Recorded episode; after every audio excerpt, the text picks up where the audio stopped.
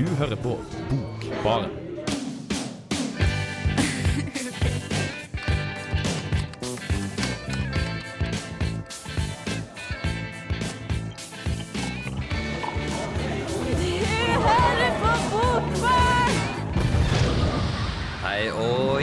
Hjertelig velkommen til semesterets nest siste sending i Bokbaren. I dag er Hanne Malene tilbake i studio sammen med Kristoffer Ervik. Eh, Og vi har også en gammel Bokbaren-gjest, eller hva man skal kalle det. Um, Eline, hei. Hei, hei. Hva du eh, har med deg i dag? Eh, Jeg har med meg en bok om Darwin og, Mark, som er skrevet av Adam Phillips. Vi gleder oss til å se på deg. Kristoffer, hva har du aktuell med? Eh, Jeg har med en bok Eline kjenner ganske godt, for at du har snakka med han forfatteren. Eh, Den heter 'I fjor var en lang natt'. Ja. Ja, I dag så har jeg med uh, 'Signaler', som er en novellesamling som blir gitt ut hvert år. Uh, og jeg har med 2014, så det er altså noveller av litt sånn ja, debutanter. Sånn nye, nye forfatterspirer som kanskje har en eh, lovende forfatterframtid. Hanne Lene?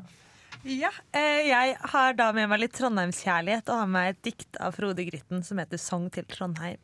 Vi gleder oss til å høre på det. Eh, her får du 'Gi meg, gi meg, gi meg' av eh, Rassiga.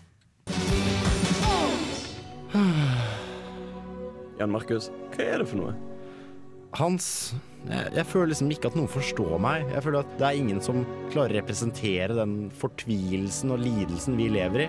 Er det sånn å forstå at du føler at det er ingen som har fanget vår tilværelse på en tilfredsstillende og genuin måte? Ja, Hans. Da har jeg gode nyheter til deg, Jan Markus. Og? For det er nettopp det vi skal snakke om i Filmofil sin sending om generasjonsfilm.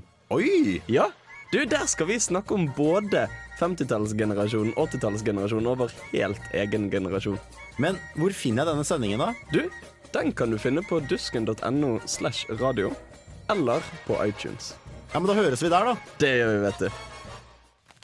Hvis du syns det hørtes interessant ut, så kan du høre på Filmofil. Du finner det på dusken.no, du finner det på iTunes.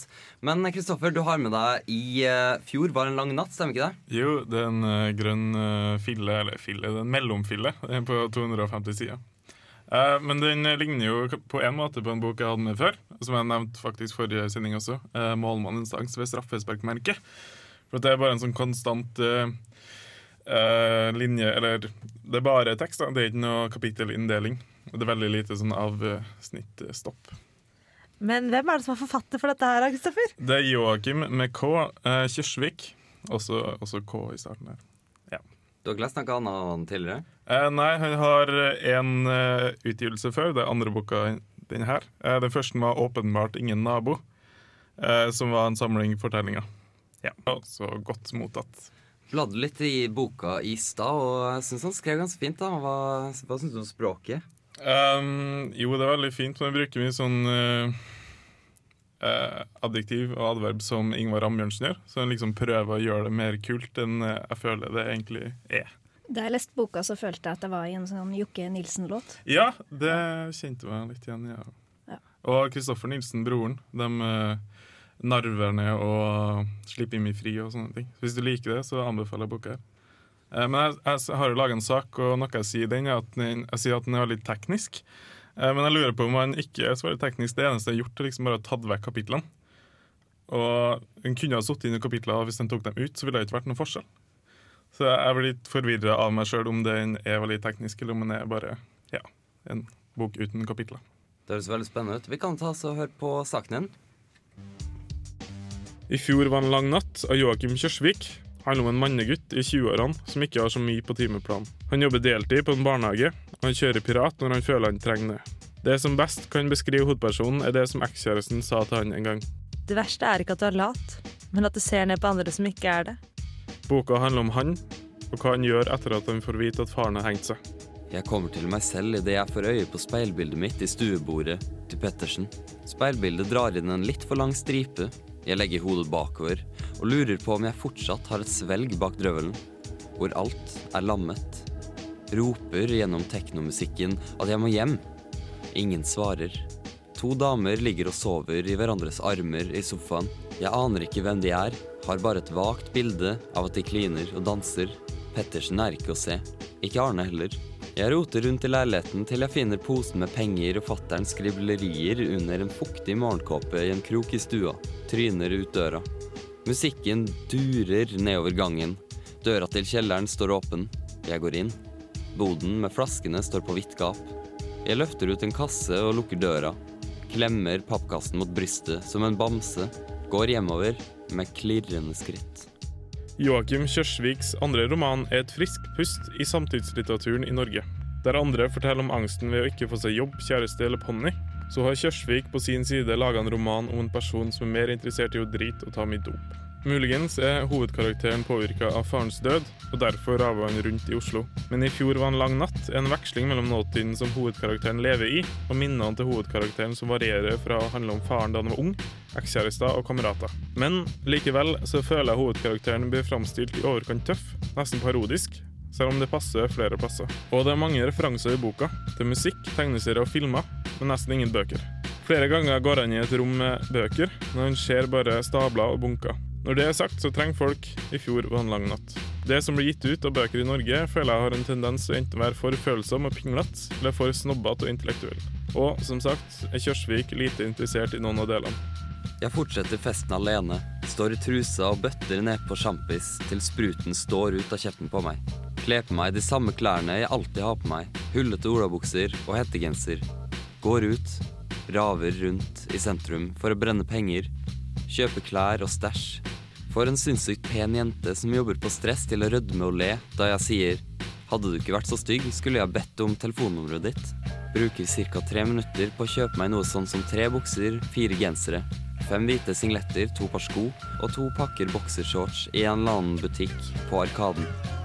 Bare går gjennom lokalet og plukker med meg klær på måfå og dama bak disken spør om jeg ikke burde prøve klærne først. All sizes fits den smukke. En Securitas tar meg i armen, dytter meg ut fra Oslo City og ber meg gå hjem og sove.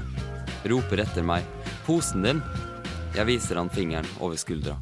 Hvis du har sansen for Ingvar Ambjørnsen, Erwin Welsh og Christoffer Nilsen, vil jeg virkelig anbefale den her. Eller hvis du har en pjokk i 15-16-17-årsalderen i familien som burde ha fått noe lesestoff til jul, er det også veldig flott. Men det er også en ganske teknisk bok, for dem som liker det. Den har hele tida en jovial tone med en svart humor, men det er en slags stream of consciousness. Eller egentlig ikke. Forfatteren har ikke satt inn noen anførselstegn eller kolon. Det er bare tekst i 250 sider. Men derfor er det kanskje bedre enn mye annet som er gitt ut nå, som også er minimalt og utradisjonell i stilen. Og Joakim Kjørsvik får det til bedre, for han ikke trenger å være pretensiøs samtidig. God. This is Alan Moore, and you're listening to The Book Bar. Du fikk uh, Spy vs. Spy av uh, Science Fiction.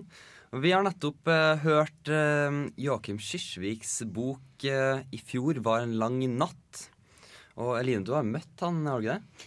Ja, jeg snakka med han under et arrangement av Norsk Forfattersentrum på Rockheim. Da hadde vi en sånn paneldebatt, og så var han der sammen med Ida Høgassi Høyer. Og de fikk jo begge arbeidsstipend for yngre kunstnere i fjor, tror jeg. Ja, det var i fjor. Og um, da um, Ja, det, det, da ser vi resultatet av det her. Mm, for Det det handla om den samtalen, her var om debutanter. Og han har liksom en, en andre bok. Mm, ja. noe, sånn. Det handla om eh, den vanskelige andre boka, for begge de to hadde gitt ut sin andre bok nylig. da.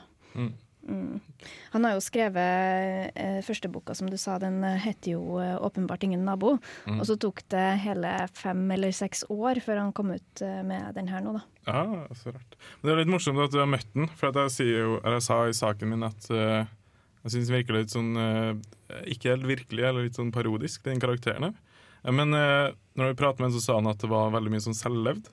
Ja, han var veldig åpen om det. At her, eh, han har jo vært eh, på skråplanet sjøl også, mm. og eh, opplevd mye. Og, og, på en måte vært isolert fra samfunnet, da. Så man skulle jo tro at han visste hva han snakka om. Ja. Da er det litt spesielt at du, at du ikke fant det så overbevisende. Nei, jeg tenkte at det her var en uh, fyr som hadde studert litteratur. Og så han leste masse masse Ingvar Ambjørnsen da han mm. var ungdom, og så hadde han lyst til å skrive noe lignende sjøl. Ja. Uh, så syns jeg karakteren var litt sånn tegneserieaktig. Det var liksom som man så på Oslo som en slags sånn tegneserieunivers. Det var masse dop og så mye kroppsvæsker fra liksom, ja, gull i kroppen. Ja, Samtidig som man er utenfor samfunnet, så er det jo samtidig en veldig isolert verden eh, hovedpersonen befinner seg i. da. Mm. Det er jo eh, knarker og, og feste hele, hele den boka er jo egentlig en fest som Ja. aldri slutter og aldri, aldri begynner en sånn ond sirkel. God litteratur. Uh, vi skal beveges videre til um, signaler, men først så får du Buskiller av uh, The Dead Weather.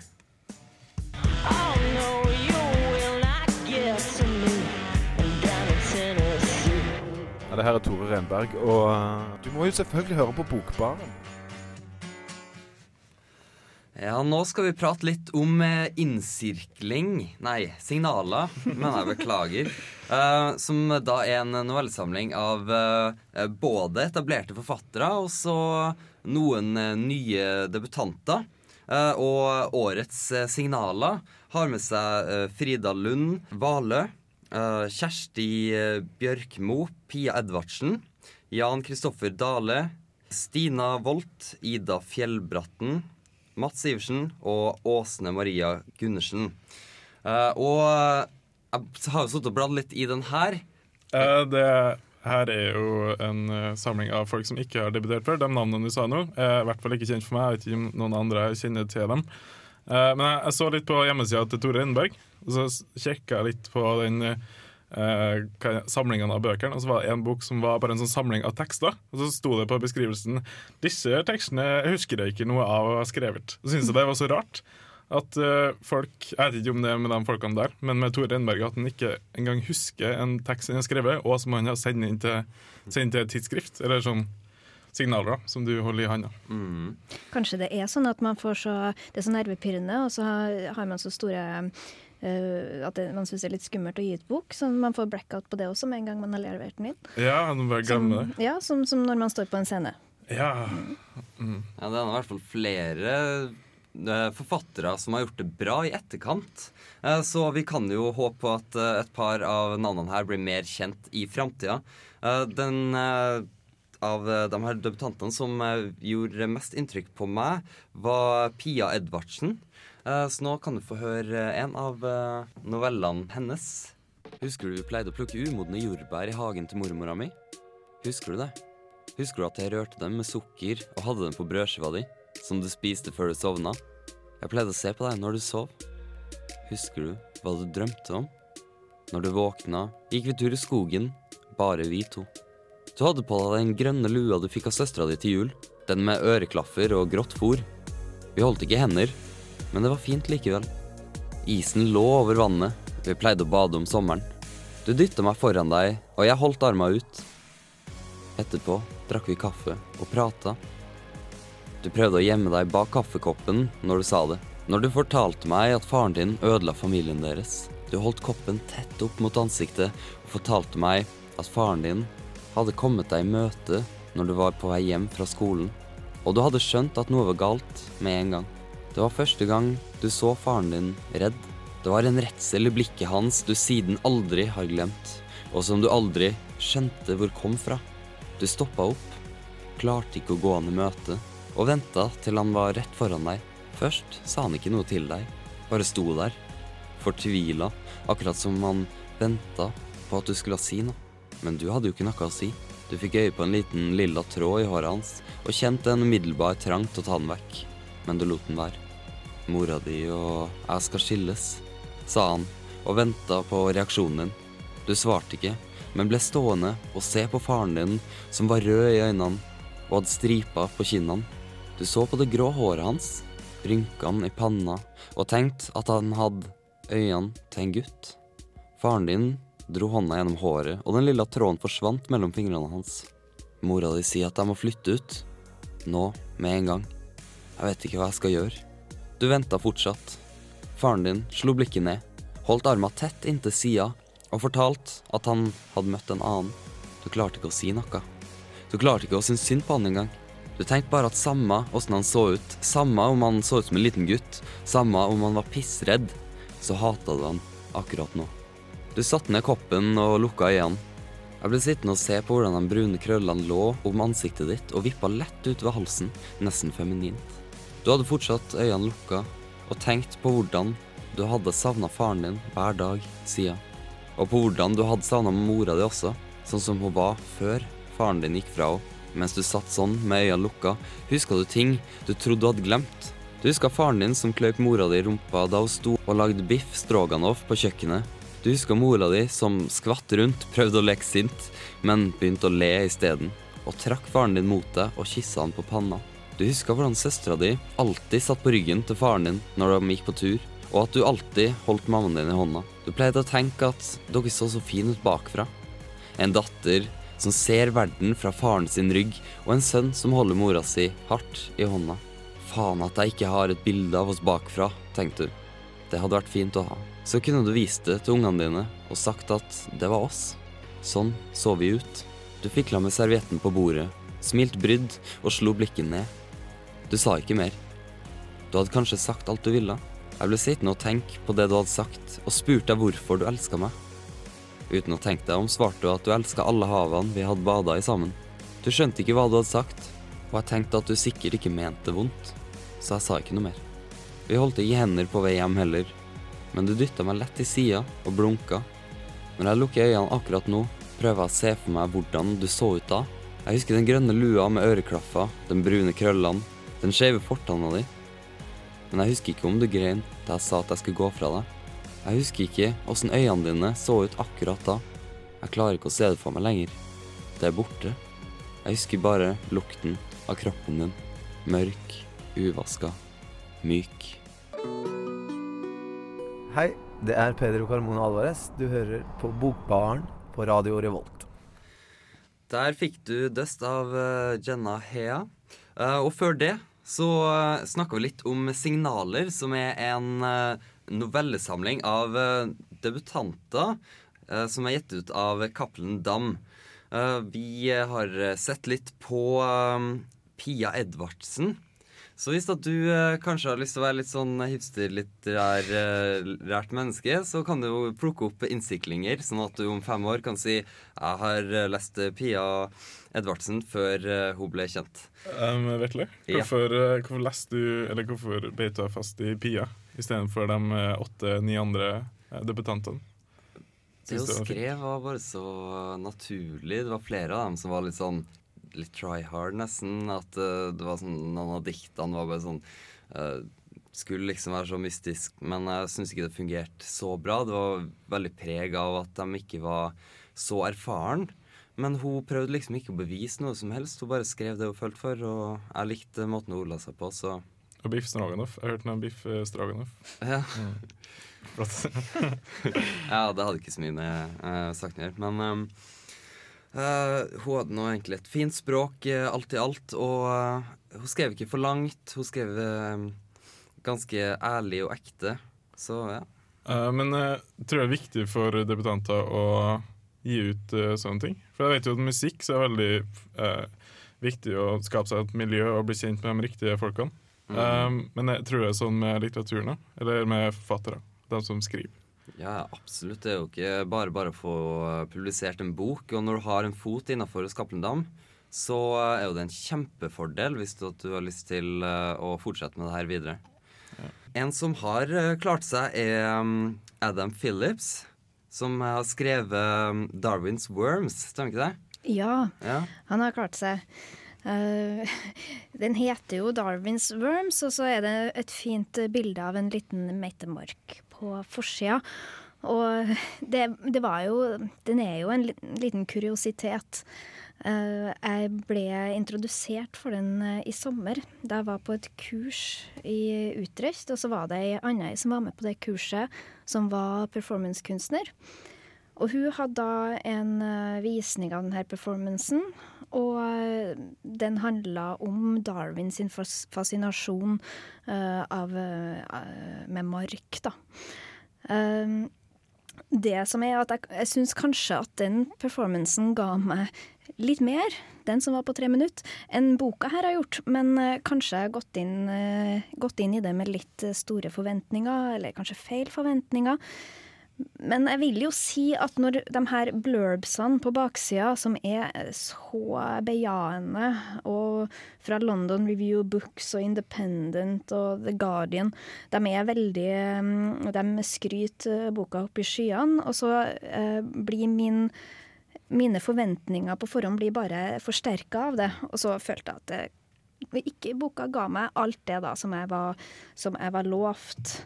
Men, eh, men for all del eh, skal jo ikke Altså, jeg, jeg må jo innrømme at, eh, at det som boka her prøver på, det er også mm, få folk til å forsone seg med døden. Eh, gjennom Darwin og Freud. og, jo, og, og det tenkte jeg var perfekt, for eh, jeg må innrømme at døden gjør meg litt stressa innimellom. Så, så, så, så, det å skulle forvente at boka her skal, skal eh, lette på det, gjøre det enklere å takle, det er kanskje en, en litt for stor um, forventning, da. Men fikk du snakka om Freud og om døden, fikk du det gjennom den performancen òg? Var det sånn? Ja, det som var at gjennom den performancen så fortalte hun om eh, egenskapene til marken, da, som gjorde at Darwin ikke ble så redd for å dø lenger. Han var jo hypokonder. Uh, og marken lever i jorda og gjør jorda fertil, og det snakker jeg mer om i saken min også.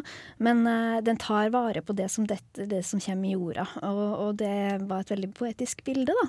Som, uh, som gjorde at Darwin Jeg tror han døde med med litt mindre angst. Ja. Ja. Det høres veldig interessant ut. Vi får uh, Eline sin uh, sak her.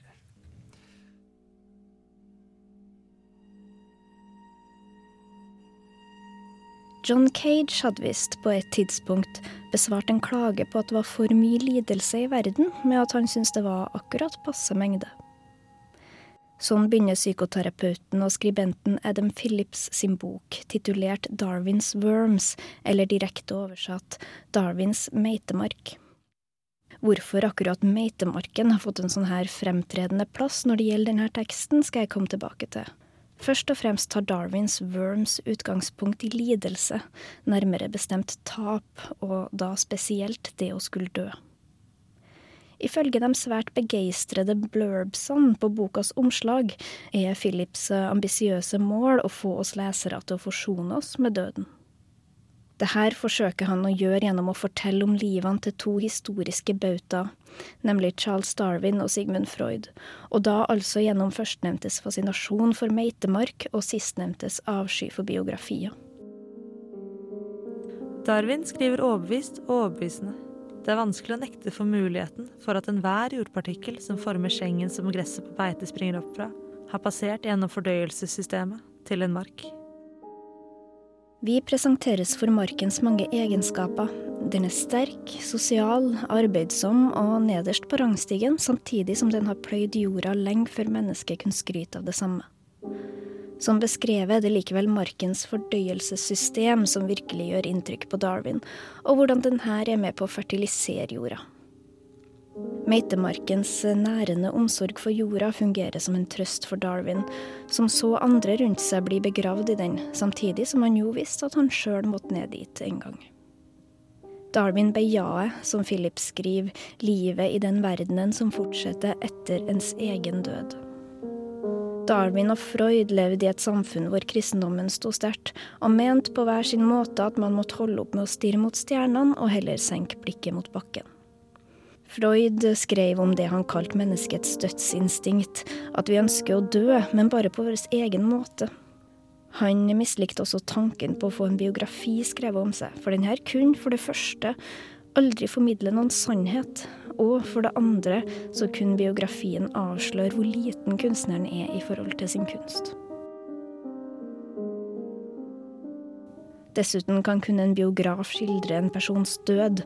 Den døende vil aldri sjøl få svar på hvordan ens død passer inn i ens liv. Dette var en innsikt Freud nødig ville oppgi til noen andre.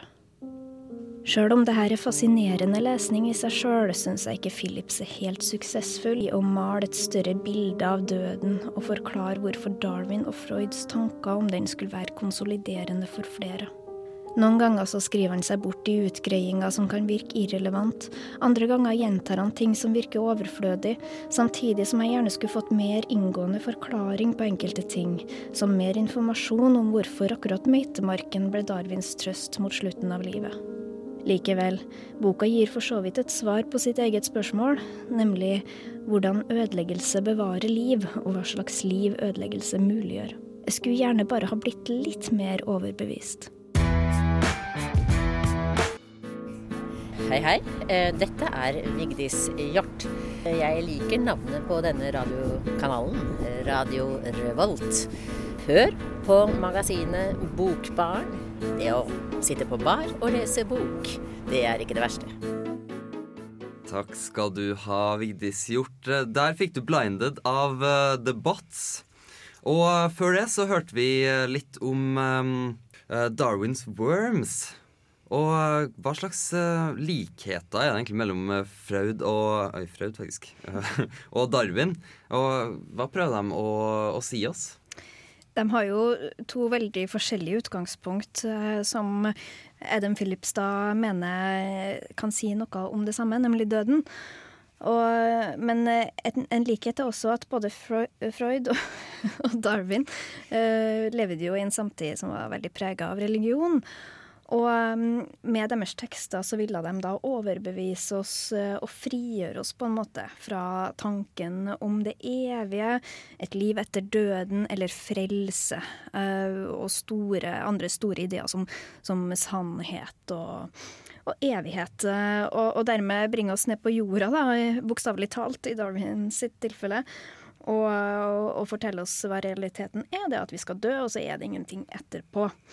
Freud snakka jo også om det her dødsinstinktet, om å få dø på sin egen måte. Og han, under andre verdenskrig så flykta jo han for å da slippe å dø uh, i hendene på nazistene, men uh, for å få gjøre det på sin egen måte seinere, da. Uh, så sier de i boka her at det er ingen vits i å jakte på enhjørninger, men tydeligvis så er det marken man skal jakte på, ifølge Darwin. Jeg har liksom problemer med å skjønne hvilken sjanger vi skal plassere det her i. Ja, for det er, det er litt sånn halvakademisk. Uh, Philips er jo uh, psyk psykolog, og um, han skriver med Han har mange sitat, eksempel, inni der, og, og refererer til en del verk da, av Freud og Darwin. Men det er blitt beskrevet som et essay. Jepp, dette er Frode Grøtten. Lytt på Bokbaren på Radio Revolt ta deg en uh, god drink. Snakk. Ja. Hei, velkommen tilbake til Bokbaren. Eh, nå er det sånn at Nå har vi snakket om døden og sånn, og jeg skal snakke om noe helt annet, nemlig bejaelse til livet og denne byen som vi lever i her i dette livet. Fordi Forrige gang så var jo disse folka her aleine uten Oslo-folk og hadde trøndersending, så denne gangen så skal jeg ha med litt kjærlighet til denne byen som jeg bor i, men ikke er oppvokst i. Eh, så jeg har med et dikt som Frode Grytten skrev, til nå på fredag, da Salongen hadde direktesending fra Dokkhuset um, under dokumentarfilmfestivalen i Trondheim. Som heter 'Sang til Trondheim' og handler om alt det flotte i vår by. Eh, som jeg bare synes var så flott, så tenkte jeg tar ikke med en bok, jeg tar bare med dette diktet. Eh, hvor han skriver om 'Jeg tar en trønder og krysser gata på skrå'. Eh, og det syns jeg var så flott. Han liksom får med alt det med denne byen som jeg liker aller best og sier til slutt at han bare vil dø om det er helt nødvendig. Så det er jo litt det motsatte av Freud, som skal få det til å innse at du må bare dø, du må bare godta det. Så skal jeg ikke godta det, for jeg vil bare leve her i denne flotte byen og ha det bra. Så da syns jeg dere skal høre på det diktet, rett og slett. Sang til Trondheim. Jeg er i byen til hun jeg elsker, uten at hun jeg elsker er med. Jeg går av en kveldstur, ned Nordre, opp Søndre, mens jeg stenger kaffesjappene og kvinner tørker av diskene. Jeg passerer butikkvinduet med oseaner av bøker og skor og lysende lamper. Jeg kjenner at jeg burde klippe meg. Trondheim er full av frisørsalonger, men frisørsalongen har stengt nå, og alle offentlige kontor har stengt nå. Og museet har stengt nå. Og hjertet har stengt nå, for å åpne litt seinere i kveld. Jeg stirrer inn i ansikta som poserer på gata, ser om de spør etter kjærleik eller bare en tier. Jeg ser mitt eget ansikt i kveldsvinduet mørkt mot det opplyste rommet. Hva spør jeg etter?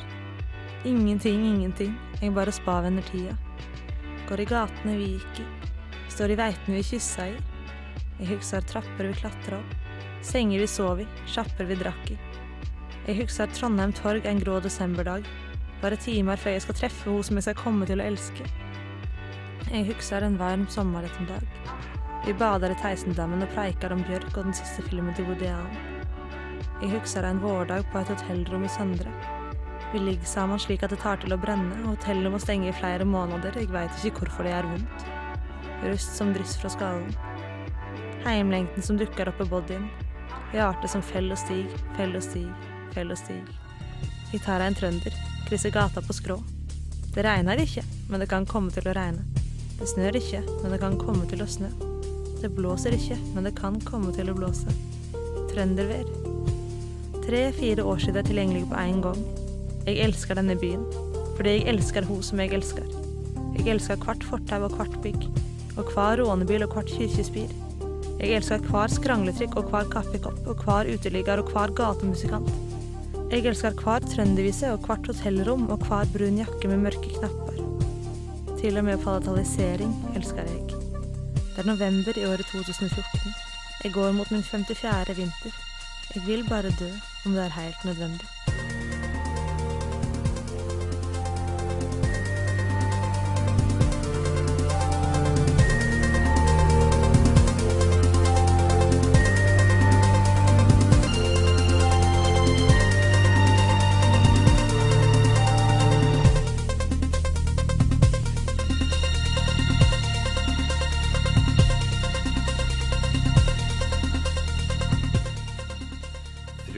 Frode Grytten, du er så fantastisk. Um, du er tilbake i studio, du er tilbake til Trondheim. Det er du jo alltid. Men du er tilbake Ja. på Lukas. Ja, jeg må si, vet du, her lukter det faktisk grønnsopp, og det er første gangen jeg har opplevd i studio noen gang. Hva, hva sa du det? Grønnsopp? Det, og det tenkte jeg var sånn Oi, OK. Det har blitt liksom Mine, du, du, det er jo ikke du som ikke er trønder her, er. Kristoffer. Den har blitt smitta av alle de imperialistene som har kommet inn i programmet vårt. Å ja, så vi er liksom negative til Oslofolk nå? Nei, for vi li- Oslofolk syns det er så trivelig å henge med trøndere. Jeg kjenner jeg har altfor få trøndervenner. Syns det er trivelig at du driver med apokop og palatalisering og sånn. Jeg synes det er kjempetrivelig. Sånn som, sånn som gutten sier, til og med palatalisering elsker jeg bare fordi det er i denne byen her. Oslofolk er ikke så mye bedre ifølge Joakim Kjørsvik. Å ja, var ikke det, nei. Jeg syns vi er veldig trivelige. Faktisk. Helt fine mennesker er vi, selv om vi ikke alltid er her. Jeg syns det var veldig fint kontentum du har ordna til det her diktet til Grytten. Ja, det har jeg også fått eh, hjelp av Vetle. Og så nå på slutten, da, så det vi snakker over nå, eller jeg vet ikke om jeg er ferdig med å snakke over det, det er eh, Bjørk. fordi han, eh, Frode Grytten nevner jo Bjørk i diktet. Så tenkte jeg å, det må jeg få. Så syntes jeg hadde så sykt smooth overgang på slutten fra liksom siste ting han sa, til sangen begynte. Så jeg er sånn, vi kan bare fortsette denne sangen inn i evigheten. Så da gjorde vi det. Men eh, nevnte du at grunnen til at den skrev diktet, var fordi at den var med på Trondheim Det nevnte jeg. Ja, men det det, gjorde jeg også nevnte jeg også opp salongen, men du kan også gå inn og høre, fordi gutten har også da leser dette diktet her. Så hvis du går på salongen fra 17. november, og så går det sånn 36 minutter inn i programmet, eh, så får du høre hans innspilling. Og da er det med litt mer sånn, sånn sviskemusikk i bakgrunnen, da, så jeg ble litt skuffa, for jeg syns dette diktet har vært så fantastisk. Jeg har delt det til alle jeg kjenner, og vært sånn Trondheim er den beste byen i verden! Alle må skrive bra om Trondheim, og vi elsker dette her og sånn. Og så hørte jeg den innspillingen, så var det veldig sånn sånn føle, føle, føle, fiolin og sånn. Det syns jeg var litt teit. Så nå syns jeg nesten at eh, mitt kontentum ble bedre, altså. Faktisk. Det er litt sånn spinning-musikk. på en god måte. Du som lytter hører kanskje at vi snakker fortere og fortere. Nå kommer det en topp, og nå går vi nedover. Har dere aldri vært på spinning? Jeg har vært på spinning Jo, jeg har vært på spinning flere ganger faktisk i våres. Og jeg skal, i morgen så har jeg tenkt å trene første gang nesten dette semesteret her, så dette er Oi. bra. Ja, det er poenget med å dra på spinning når vi har en sånn fantastisk natur rundt oss. Er ikke mye bedre å bare sykle en tur. Og Vetle. Kipping. Problemet er at det Ja, er regner, og det snø, og så er det glatt, og så tryner man, og så Ja, jeg vet ikke. Det, er, det, det eneste jeg kan si, er at på Dragvoll og på Gløshaugen idrettssenter så har de badstue. Oi, wow, det var jeg glad over. Nei, det har de, så det er grunn nok til å trene inn der, kanskje. Nesten. Eh, kan jeg si hva jeg hadde med i dag, eller? Eh, jeg hadde med 'I fjor var en lang natt' av Joakim Kjørsvik. Det var fett. Hvis du liker Ingvar Ambjørnsen, så kan du høre på den. Ja. Jeg hadde med Darwins eh, meitemark av Adam Phillips. Ja, jeg hadde med meg 'Song til Trondheim' av Frode Grytten, fordi vi digger Grytten og digger Trondheim. Og jeg hadde med Signaler 2014, en, eh, eh, novellesamling av eh, nye forfattere som nettopp uh, debuterte med denne uh, novellesamlinga. Vi har jo en eh, debutant i studio. Uh, det, er ikke, det er ikke Det er ikke Ingvild. Det er teknikeren vår, eller Hanne Malene, eller Vetle eller meg. Det er Line. Hallo. Oh. Det var veldig snilt, Kristoffer. Flatterende. Jeg vet ikke om jeg kan kalles en debutant. Ah, Men du skal bli publisert. Det er det som er viktig her. Wow. Ja. sammen med fuckings Johan Harstad. Ja, det, det kan jeg jo ha på CV-en. Det tenker jeg. For jeg T-skjorte med det. Og det er samme bok som han. Det er det beste med denne publiseringa. At, at jeg har gode naboer. skulle si. Ja. naboer og litteraturen. Hva er Men det du gir her- ut, da? Eh, nei, nei, uff, nå, det her er faktisk ikke min utgivelse. Det vi snakker om, er tidsskriftet Beijing Trondheim, uh, som er Mathias Samuelsen og Rune F. Hjemmeås eh, sin utgivelse, da. Eh, de har jo slippfest på fredag. Ja. Ja, kommende fredag, faktisk, blir det. Mhm. Uh, og det er på Vaktmester Mandal, som er et atelier i Innherredsveien, hvis noen har lyst til å gå på det. Det har vi. Det er jo ikke det eneste som skjer av eh, litteraturting i Trondheim. Eh, Det skjer noe barnebokaktig, ikke det? Ja, Neste tirsdag når vi har sending, så er det også noe greier på biblioteket. tror jeg det er. Barnebøker for voksne. Det blir kult. Det er på bursdagen min. Ah! Gratulerer med deg som kommer. Men det må vi si når du har sending. Ja. Ja. Eh, Vi skulle også si at vi er, det er søndagsåpent biblioteket. Ja, det er det. Ja! Det er det beste i hele! Fra oktober til april så er det søndagsjobb på biblioteket. Og jeg har endelig skjønt hvorfor det plutselig var det, så ikke var det. Det er fordi det er tidsbegrenset, og det blir dritbra. Gå dit. Gå dit. De har også utvida åpningstida, har de ikke det?